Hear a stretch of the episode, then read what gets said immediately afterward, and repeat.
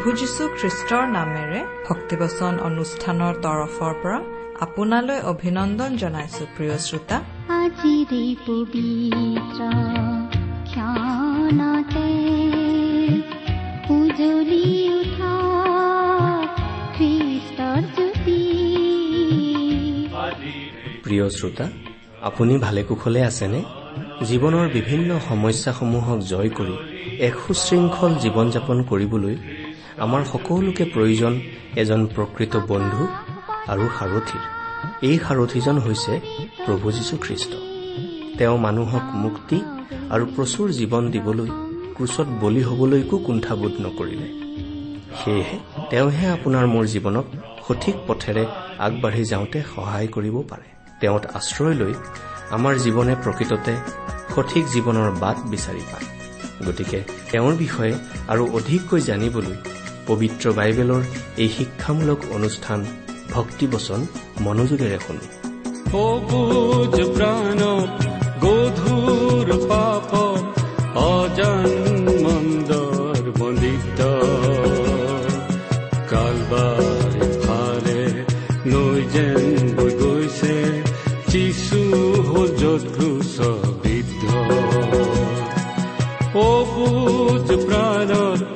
গধুৰ পাপত অজান মন্দৰ বন্দিত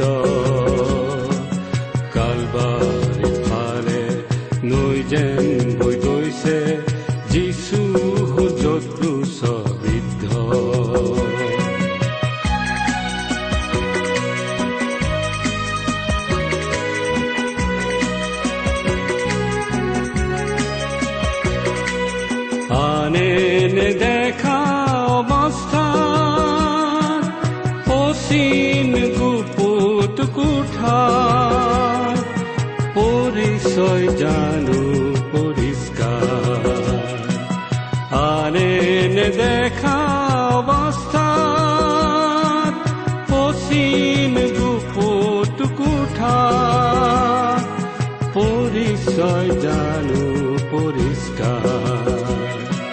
স্বৰূপ লুকুৱা মুখা পিন্ধোৱা নাটকৰ ভদ্ৰ চৰিত্ৰ।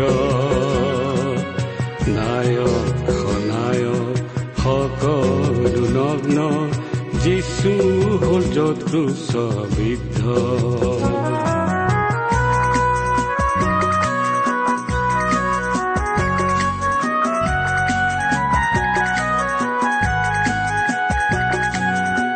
আত্ম পৰিচয়ৰ বৃত্তি সদ্মভূষণৰ কৃতি যিচুতে কৰা স্বীকৃতি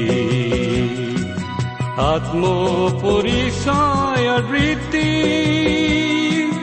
সদ্মভূষণৰ কৃতি যিচুতে কৰা স্বীকৃতি তেওঁহে পাৰিব পৰাক তুলিব তেওঁতে যেহে কৰে শুদ্ধ প্ৰকৃত জীৱনৰ হ'ব আৰম্ভ যিচু যতু ছবিদ্ধ সবুজ প্ৰাণৰ গধুৰ পাপত অজান মন্দৰ বন্দিত কালবাৰীৰ ফালে নৈ যেন বৈ গৈছে যিচু হ'ল য'ত ক্ৰুচবিদ্ধ যিচু হ'ল য'ত ক্ৰুচবিদ্ধ আমাৰ পৰম পবিত্ৰ প্ৰভু যীশুখ্ৰীষ্টৰ নামত নমস্কাৰ প্ৰিয় শ্ৰোতা। আশা কৰো পৰম পিতা পৰমেশ্বৰৰ মহান অনুগ্ৰহত আপুনি ভালে কুশলে আছে। এয়া আকৌ আপোনালোকৰ ওচৰলৈ আহিছো। বাইবেল অধ্যয়নৰ এই অসমীয়া অনুষ্ঠান ভক্তিবচনৰ যোগেদি।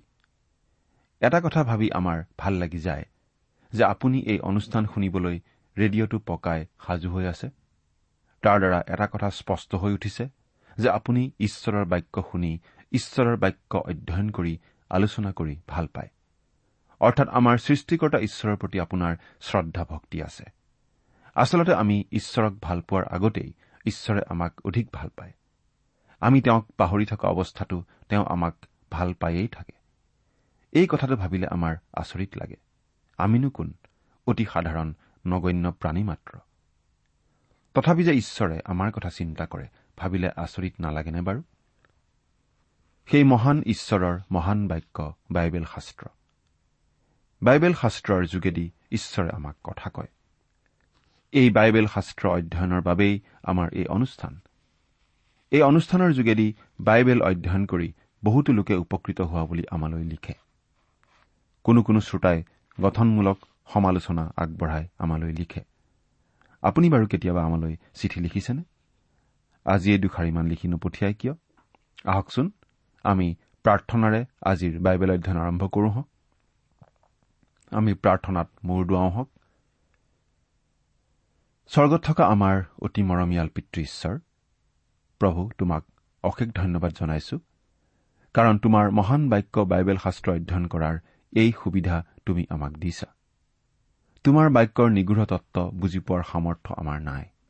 আনক বুজাই দিয়াৰ যোগ্যতাও নাই। প্ৰভু তুমিয়েই আমাক শিকোৱা তুমিয়েই আমাক বুজোৱা। এই ভক্তিবচন অনুষ্ঠান যিসকল লোকে এই বিশেষ মুহূৰ্তত শুনি আছে সেই প্ৰতিজন লোকক তুমি জানা। তেওঁলোকৰ প্ৰয়োজন কি তাকো জানা। তেওঁলোকৰ যদি কিবা সমস্যা আছে তাকো তুমি জানা। প্ৰভু তুমি প্ৰতিজন শ্ৰোতাৰ প্ৰয়োজন পূৰণ কৰি তেওঁলোকক উপচি পৰাকৈ আশীৰ্বাদ কৰা। তেওঁলোকে যাতে তোমাৰ মাত স্পষ্টকৈ শুনিবলৈ পায় এনে আশীৰ্বাদ কৰা। তেওঁলোকৰ জাগতিক প্ৰয়োজনসমূহৰ লগতে আম্মিক প্ৰয়োজনসমূহো পূৰণ কৰা। আমাৰ এই অনুষ্ঠান তুমিয়েই পৰিচালিত কৰা।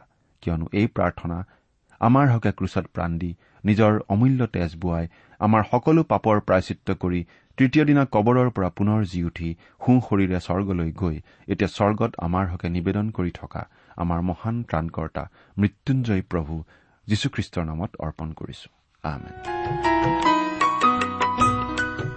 প্ৰিয় শ্ৰোতা আমি আজি কিছুদিনৰ পৰা বাইবেলৰ নতুন নিয়ম খণ্ডৰ ইফিচিয়াবিলাকৰ প্ৰতি পত্ৰ নামৰ পুস্তকখন অধ্যয়ন কৰি আছো। নহয়নে বাৰু? আপুনি যদি আমাৰ এই অনুষ্ঠানটো নিয়মিতভাৱে শুনি আহিছে তেনেহলে সেই কথা আপুনি নিশ্চয় জানে।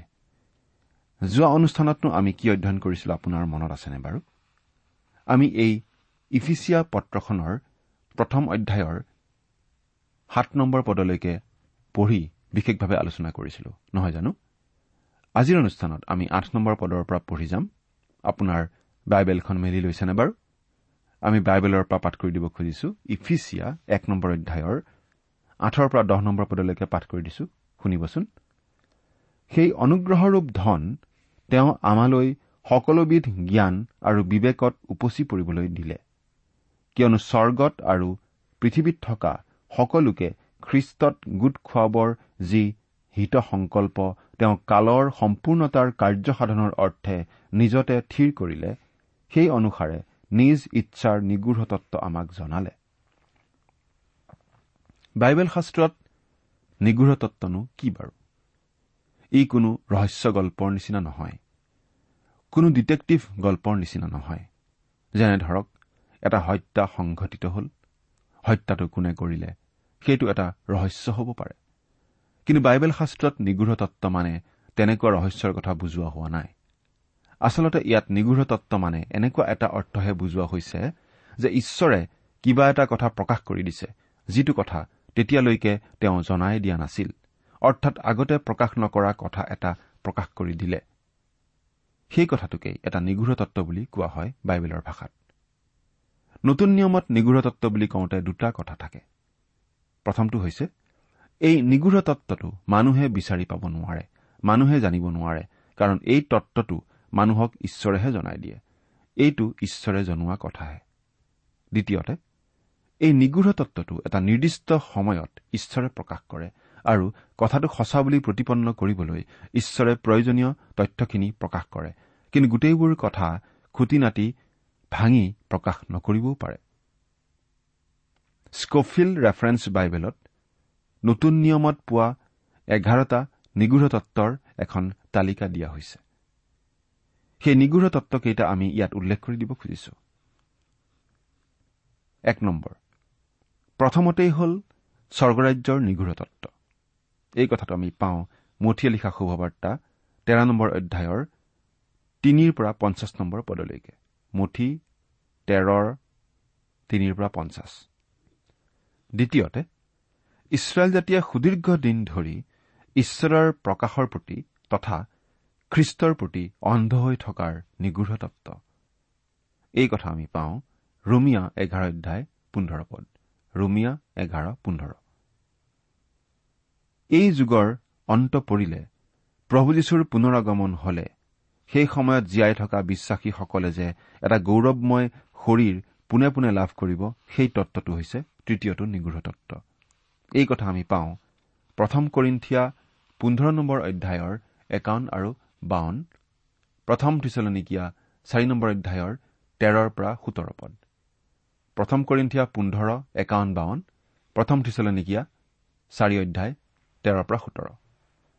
চতুৰ্থতে যিহুদী আৰু পৰজাতি সকলোৰেই গঠিত নতুন নিয়মৰ মণ্ডলীৰ তত্ত ইফিচিয়া তিনি অধ্যায় একৰ পৰা বাৰ। ৰমিয়া ষোল্ল অধ্যায় পঁচিছ। ইফিচিয়া ছয় অধ্যায় ঊনৈছ। কলচিয়া চাৰি অধ্যায় তিনি। আকৌ কৈ দিছো। ইফিচিয়া তিনি অধ্যায় একৰ পৰা বাৰ। ৰমিয়া ষোল্ল অধ্যায় পঁচিছ।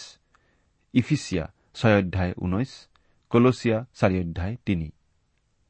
পঞ্চমতে খ্ৰীষ্টীয় মণ্ডলী যে খ্ৰীষ্টৰ কন্যা সেই নিগৃঢ় তত্ত ইফিচিয়া পাঁচ অধ্যায় তেইছৰ পৰা বত্ৰিশ। ইফিচিয়া পাঁচ তেইছৰ পৰা বত্ৰিশ। ষষ্ঠতে খ্ৰীষ্ট যে বিশ্বাসীসকলৰ হৃদয়ত জীয়াই থাকে বা তেওঁ যে বিশ্বাসীসকলত স্থিতি লয় সেই নিগৃঢ় তত্ব গালাটীয়া দুই অধ্যায় বিছ কলচিয়া এক অধ্যায় ছাব্বিছৰ পৰা সাতাইছ। গালাটীয়া দুই অধ্যায় বিছ কলচিয়া এক অধ্যায় ছাব্বিছৰ পৰা সাতাইছ। সপ্তমতে খ্ৰীষ্ট যে স্বয়ং ঈশ্বৰ কিন্তু ঈশ্বৰ হৈও মানুহ ৰূপ ধাৰণ কৰিলে সেই নৰৰূপী ঈশ্বৰ যি খ্ৰীষ্ট সেই নিগৃঢ় তত্ব প্ৰথম কৰিন্ঠিয়া দুই অধ্যায় সাত পদ। প্ৰথম কৰিন্ঠিয়া দুই অধ্যায় সাত পদ। কলচিয়া দুই অধ্যায় দুই আৰু ন নম্বৰ পদ। কলচিয়া দুই অধ্যায় দুই আৰু ন নম্বৰ পদ। অষ্টমতে ঈশ্বৰে খ্ৰীষ্টৰ যোগেদি প্ৰতিজন বিশ্বাসী লোকক আকৌ তেওঁৰ সাদৃশ্যলৈ পৰিৱৰ্তিত কৰাৰ যি প্ৰক্ৰিয়া সেইটো এটা নিগৃঢ় তত্ব এই কথা আমি পাওঁ প্ৰথম তিমঠীয় তিনি অধ্যায় ষোল্ল নম্বৰ পদ। প্ৰথম তিমঠী তিনি ষোল্ল। ন নম্বৰ নিগৃঢ় তত্বটো হৈছে অধৰ্মৰ নিগৃঢ় তত্ব দ্বিতীয় থিচলনিকীয়া দুই অধ্যায় সাত পদ। দ্বিতীয় থিচলনিকীয়া দুই অধ্যায় সাত পদ। লগতে চাওক মুঠি তেৰ অধ্যায় তেত্ৰিশ পদ। মুঠি তেৰ অধ্যায় তেত্ৰিশ পদ। দহ নম্বৰ নিগৃঢ় তত্বটো হৈছে সাতোটা তৰাৰ নিগৃঢ় তত্ব। প্ৰকাশিত বাক্য এক অধ্যায় বিশ পদ। প্ৰকাশিত বাক্য এক অধ্যায় বিশ। এঘাৰ নম্বৰ নিগৃঢ় তত্বটো হৈছে বাবিলৰ নিগৃঢ় তত্ব। প্ৰকাশিত বাক্য সোতৰ অধ্যায় পাঁচ আৰু সাত নম্বৰ পদ। প্ৰকাশিত বাক্য সোতৰ অধ্যায় পাঁচ আৰু সাত নম্বৰ পদ। ইমানবোৰ নিগৃঢ় তত্বৰ কথা আমাক জনোৱাৰ পাছতো আমি কিন্তু এটা কথা ক'ব পাৰোঁ যে ঈশ্বৰে আমাক সকলোখিনি কথা জনাই দিয়া নাই। এতিয়াও বহুতো কথা আছে যিবোৰ ঈশ্বৰে আমাক জনোৱা নাই জানিবলৈ দিয়া নাই। আজিও আমাৰ ঈশ্বৰক সুধিবলগীয়া বহুত প্ৰশ্ন আছে। বহুতো লোকে আমাক কিছুমান প্ৰশ্ন সুধি পঠায়। আমি যিমান পাৰো সাধ্যানুসাৰে সেই প্ৰশ্নবোৰৰ উত্তৰ দিবলৈ চেষ্টা কৰো কিন্তু আমাৰ মনত কেতিয়াবা এনেকুৱা কিছুমান প্ৰশ্ন জাগে যিবোৰ প্ৰশ্নৰ উত্তৰ আমাক কোনো মানুহেই দিব নোৱাৰে। কোনো মানুহেই সকলো কথা আমাক বুজাই দিব নোৱাৰে আৰু সকলো প্ৰশ্নৰ উত্তৰ মানুহে দিব নোৱাৰে। এদিন ঈশ্বৰে আমাক নিশ্চয় বুজাই দিব। নিগৃঢ়তত্ব এনেকুৱা এটা কথা যি কথা ইমান দিনে ঈশ্বৰে প্ৰকাশ কৰা নাছিল কিন্তু এতিয়া প্ৰকাশ কৰিছে। আমি যি শাস্ত্ৰ পদ পাঠ কৰিলো তাত এনেকুৱা এটা নিগৃঢ় তত্ব প্ৰকাশ পাইছে যিটো পুৰণি নিয়মৰ দিনত ঈশ্বৰে প্ৰকাশ কৰা নাছিল। সেই অনুগ্ৰহৰূপ ধন তেওঁ আমালৈ সকলোবিধ জ্ঞান আৰু বিবেকত উপচি পৰিবলৈ দিলে। পিতৃশ্বৰে খ্ৰীষ্টৰ তেজত আমাক ক্ষমা কৰি মুক্তি দিলে। সেয়া তেওঁৰ মহান অনুগ্ৰহ কাৰণ আমি আচলতে শাস্তি পোৱাৰহে যোগ্য আছিলো। কিন্তু তেওঁ আমাক মহা অনুগ্ৰহ কৰিলে। সেই অনুগ্ৰহ তেওঁ সকলোবিধ জ্ঞান আৰু বিবেকত উপচি পৰিবলৈ দিলে। তেওঁ আমালৈ যি শুভবাৰ্তা পঠাইছে সকলোৱে বুজিব পৰাকৈ সহজ সৰলভাৱে পঠাইছে। প্ৰভু যীশুক গ্ৰহণ কৰিলে আমি সকলো পাপৰ ক্ষমা লাভ কৰি পৰিত্ৰাণ লাভ কৰো। এয়েই সহজ সৰল শুভবাৰ্তা। ঈশ্বৰে সকলো মানৱৰ কথা মনত ৰাখিয়েই কথাবোৰ সকলোৱে বুজিব পৰা ধৰণে আগবঢ়াইছে। আমিও খ্ৰীষ্টৰ শুভবাৰ্তা আনৰ আগত যেতিয়া দিওঁ সহজ সৰলভাৱেই দিয়া উচিত। কিন্তু প্ৰভু যীশুৰ শুভবাৰ্তা অতি সহজ সৰল মানুহ এজনৰ কাৰণে যেনেকৈ সহজ সৰলভাৱে উপস্থাপন কৰিব পাৰি অতি চিন্তাগধুৰভাৱে তাত্বিক পণ্ডিতসকলৰ মনঃপুত হোৱা ধৰণেও উপস্থাপন কৰিব পাৰি।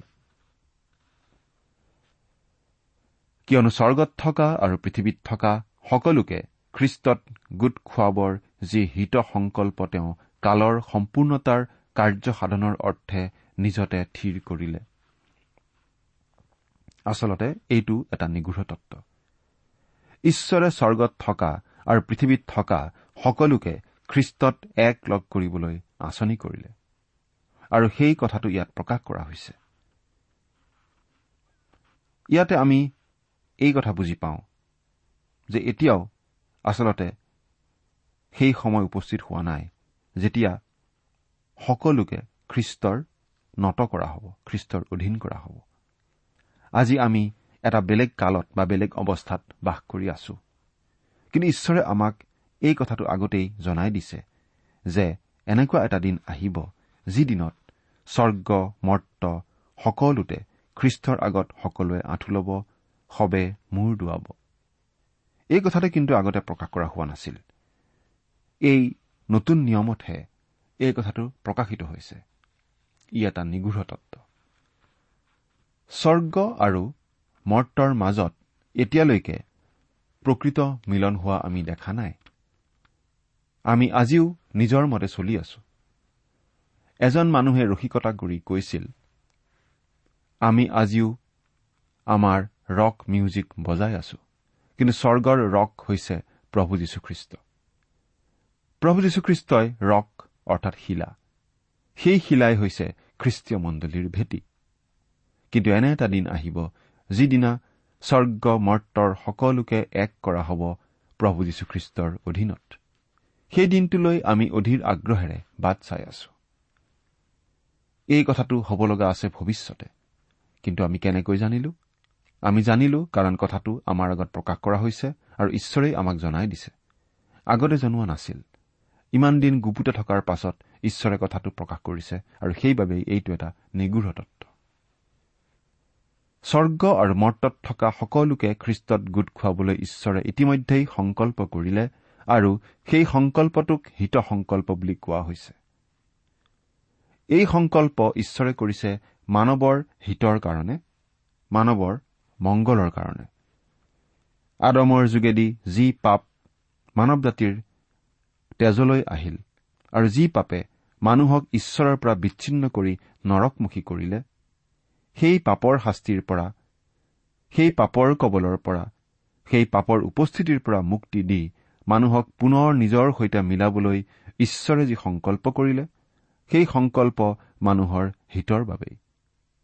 আমি যদি অনন্তকালৰ বাবে স্বৰ্গত বাস কৰিবলৈ পাওঁ সেইটো আমাৰ হিতৰ বাবেই নহয় জানো? তেওঁ কালৰ সম্পূৰ্ণতাৰ কাৰ্যসাধনৰ অৰ্থে নিজতে থিৰ কৰিলে। কালৰ সম্পূৰ্ণতা মানেনো কি বাৰু? আমি সকলোখিনি সময় দেখা পাব নোৱাৰো। সময়ৰ সকলো পৰ্যায়তেই উপস্থিত থাকিব আমি নোৱাৰো আৰু সময়ৰ লগত আমি ফেৰ মাৰিবও নোৱাৰো। আমি মাত্ৰ এটা নিৰ্দিষ্ট কালহে জীয়াই থাকো। কিন্তু মানুহৰ এহেজাৰ বছৰ ঈশ্বৰৰ হিচাপত এদিনৰ নিচিনা। ঈশ্বৰে নিজৰ সময়সূচীমতে কাম কৰি আছে। তেওঁৰ আঁচনি ৰূপায়ণ কৰি আছে। তেওঁৰ সেই সময়সূচীত আমাৰ এই জীৱনকালটো অতি সামান্য নগণ্য অংশ এটা মাত্ৰ। কিন্তু তাৰ মানে এইটো নহয় যে তেওঁ আমাক অৱহেলা কৰে। প্ৰভু যীশুৱে কৈছিল যে এশটা মেৰৰ এটা মেৰ হেৰালে যেনেকৈ মেৰ ৰখীয়াই নিৰান্নব্বৈটা মেৰক এৰি থৈ হেৰুৱা মেৰটো বিচাৰি যায় তেনেকৈ ঈশ্বৰেও প্ৰতিজন মানুহক বিচাৰি যায় প্ৰতিজন মানুহৰ কথা চিন্তা কৰে। প্ৰভু যীশুৱে নিজকে সহজ মেৰ ৰখীয়া বুলি কৈছে। তেওঁ আনকি এটা সাধাৰণ মেৰৰ কাৰণেও জীৱন দিবলৈ সাজু। আৰু ক্ৰুচৰ ওপৰত তেওঁ ঠিক তাকেই কৰিলে। ঈশ্বৰৰ সময়সূচী মতে এদিনাখন প্ৰভু যীশুখ্ৰীষ্ট এই জগতলৈ আহিছিল। আৰু ঈশ্বৰৰ সেই সময়সূচী অনুসাৰেই প্ৰভু যীশুৱে এদিন ক্ৰুচৰ ওপৰত নিজকে বলি হিচাপে আগবঢ়ালে। নিজৰ পবিত্ৰ তেজ বোৱালে আৰু মানৱৰ পাপৰ প্ৰায়চিত্ৰ কৰিলে। ঈশ্বৰৰ সেই সময়সূচীমতে সকলো কাম ঘটি গৈ আছে। সকলো কাম সম্পন্ন হৈ গৈ আছে। ঈশ্বৰৰ সেই সময়সূচীমতেই প্ৰভু যীশুখ্ৰীষ্ট এদিন আকৌ আহিব এই পৃথিৱীলৈ আৰু কালৰ সম্পূৰ্ণতা প্ৰকাশ হ'ব। স্বৰ্গমৰ্তৰ সকলোকে তেওঁৰ অধীনলৈ অনা হ'ব। আৰু তেতিয়া প্ৰভু যীশুৱে ৰজা হিচাপে শাসন কৰিব। তেওঁ সকলোকে শাসন কৰিব। স্বৰ্গমৰ্ত সকলোতে তেওঁক ৰজা বুলি স্বীকাৰ কৰি লোৱা হ'ব। সকলোৱে তেওঁৰ আগত আঁঠু ল'ব। সকলোৱে তেওঁক প্ৰভু বুলি স্বীকাৰ কৰিবলৈ বাধ্য হ'ব। সেইদিন আহি আছে। সেই সময় আহি আছে। সেই কালৰ সম্পূৰ্ণতা এতিয়াও কিন্তু প্ৰকাশ পোৱা নাই।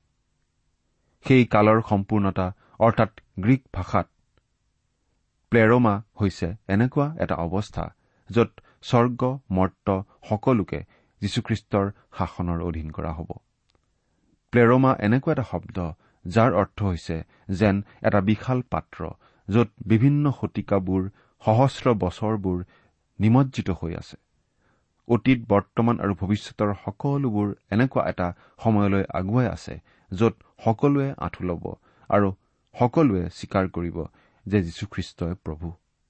এই নিগৃঢ় তত্ব আমাৰ আগত প্ৰকাশ কৰি দিছে ঈশ্বৰে। নিজতে থিৰ কৰিলে। আমি আগতেও উল্লেখ কৰি আহিছো যে ঈশ্বৰে নিজৰ মনৰ ইচ্ছাৰেই সকলোখিনি কৰিলে। মানুহক ঈশ্বৰে ভাল পায় আৰু মানুহক উদ্ধাৰ কৰিবলৈ তেওঁ ইচ্ছা কৰিলে আৰু সেইবাবেই প্ৰভু যীশুক এই জগতলৈ পঠিয়ালে। তেওঁ প্ৰভু যীশুত স্বৰ্গ মৰ্ত সকলোকে একলগ কৰিবলৈ মন কৰিলে। তেওঁ মনতে থিৰ কৰিলে আৰু সেইমতেই কাম কৰি গৈ আছে।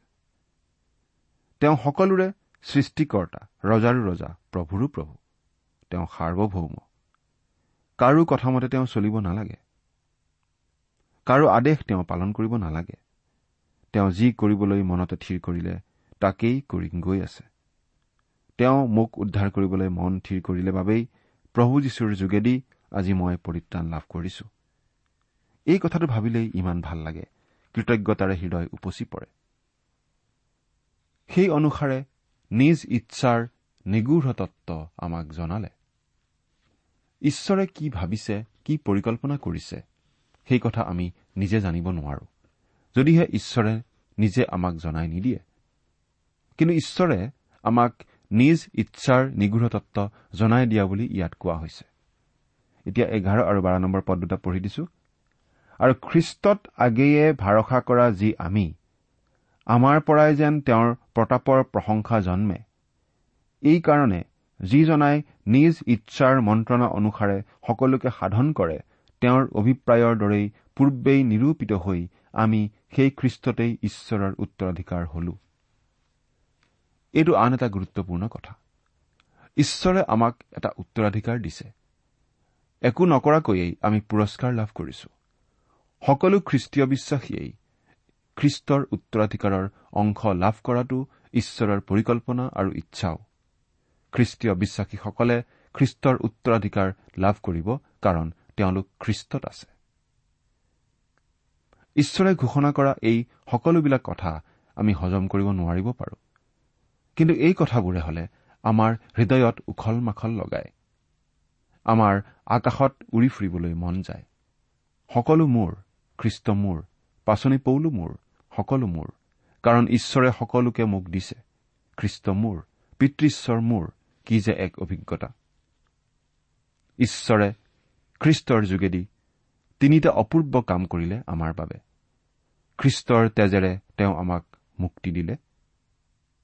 তেওঁৰ ইচ্ছাৰ তেওঁৰ আঁচনিৰ নিগৃঢ় তত্ব তেওঁ আমাৰ আগত প্ৰকাশ কৰিলে।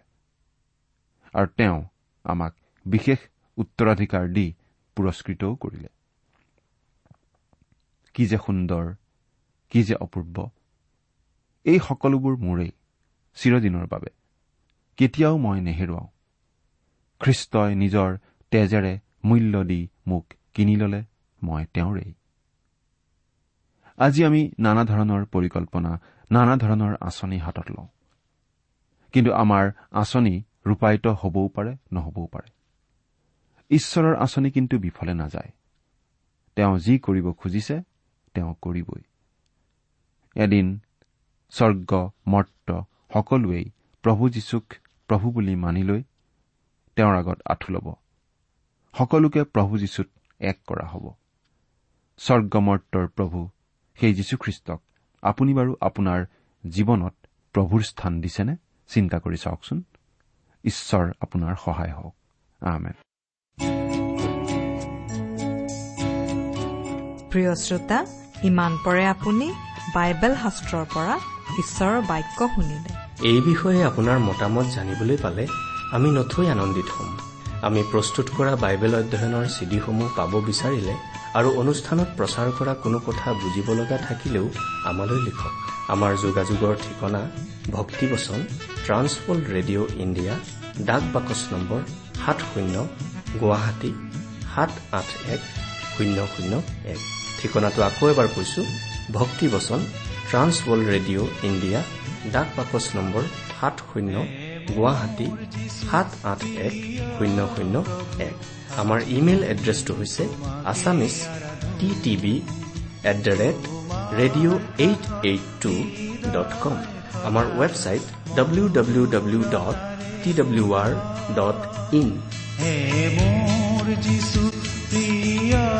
প্ৰভু আজীৱন তোমাকে আৰাধো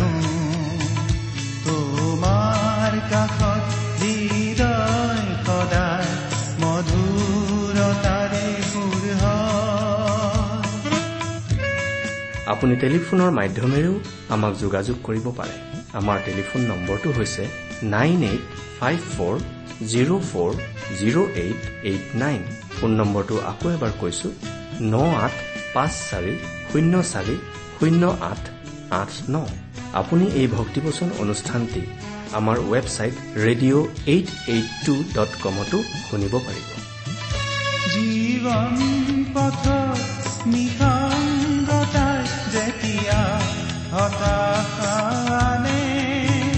জীৱন পথত নিসংগতাই যেতিয়া হতাশানে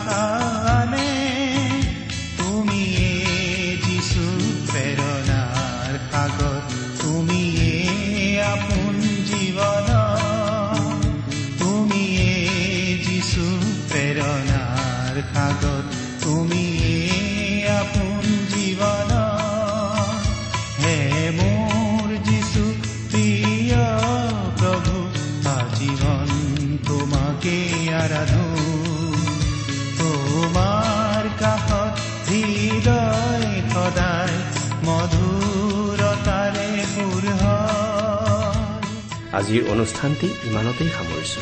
ঈশ্বৰৰ শান্তি আৰু অনুগ্ৰহ আপোনাৰ লগত থাকক।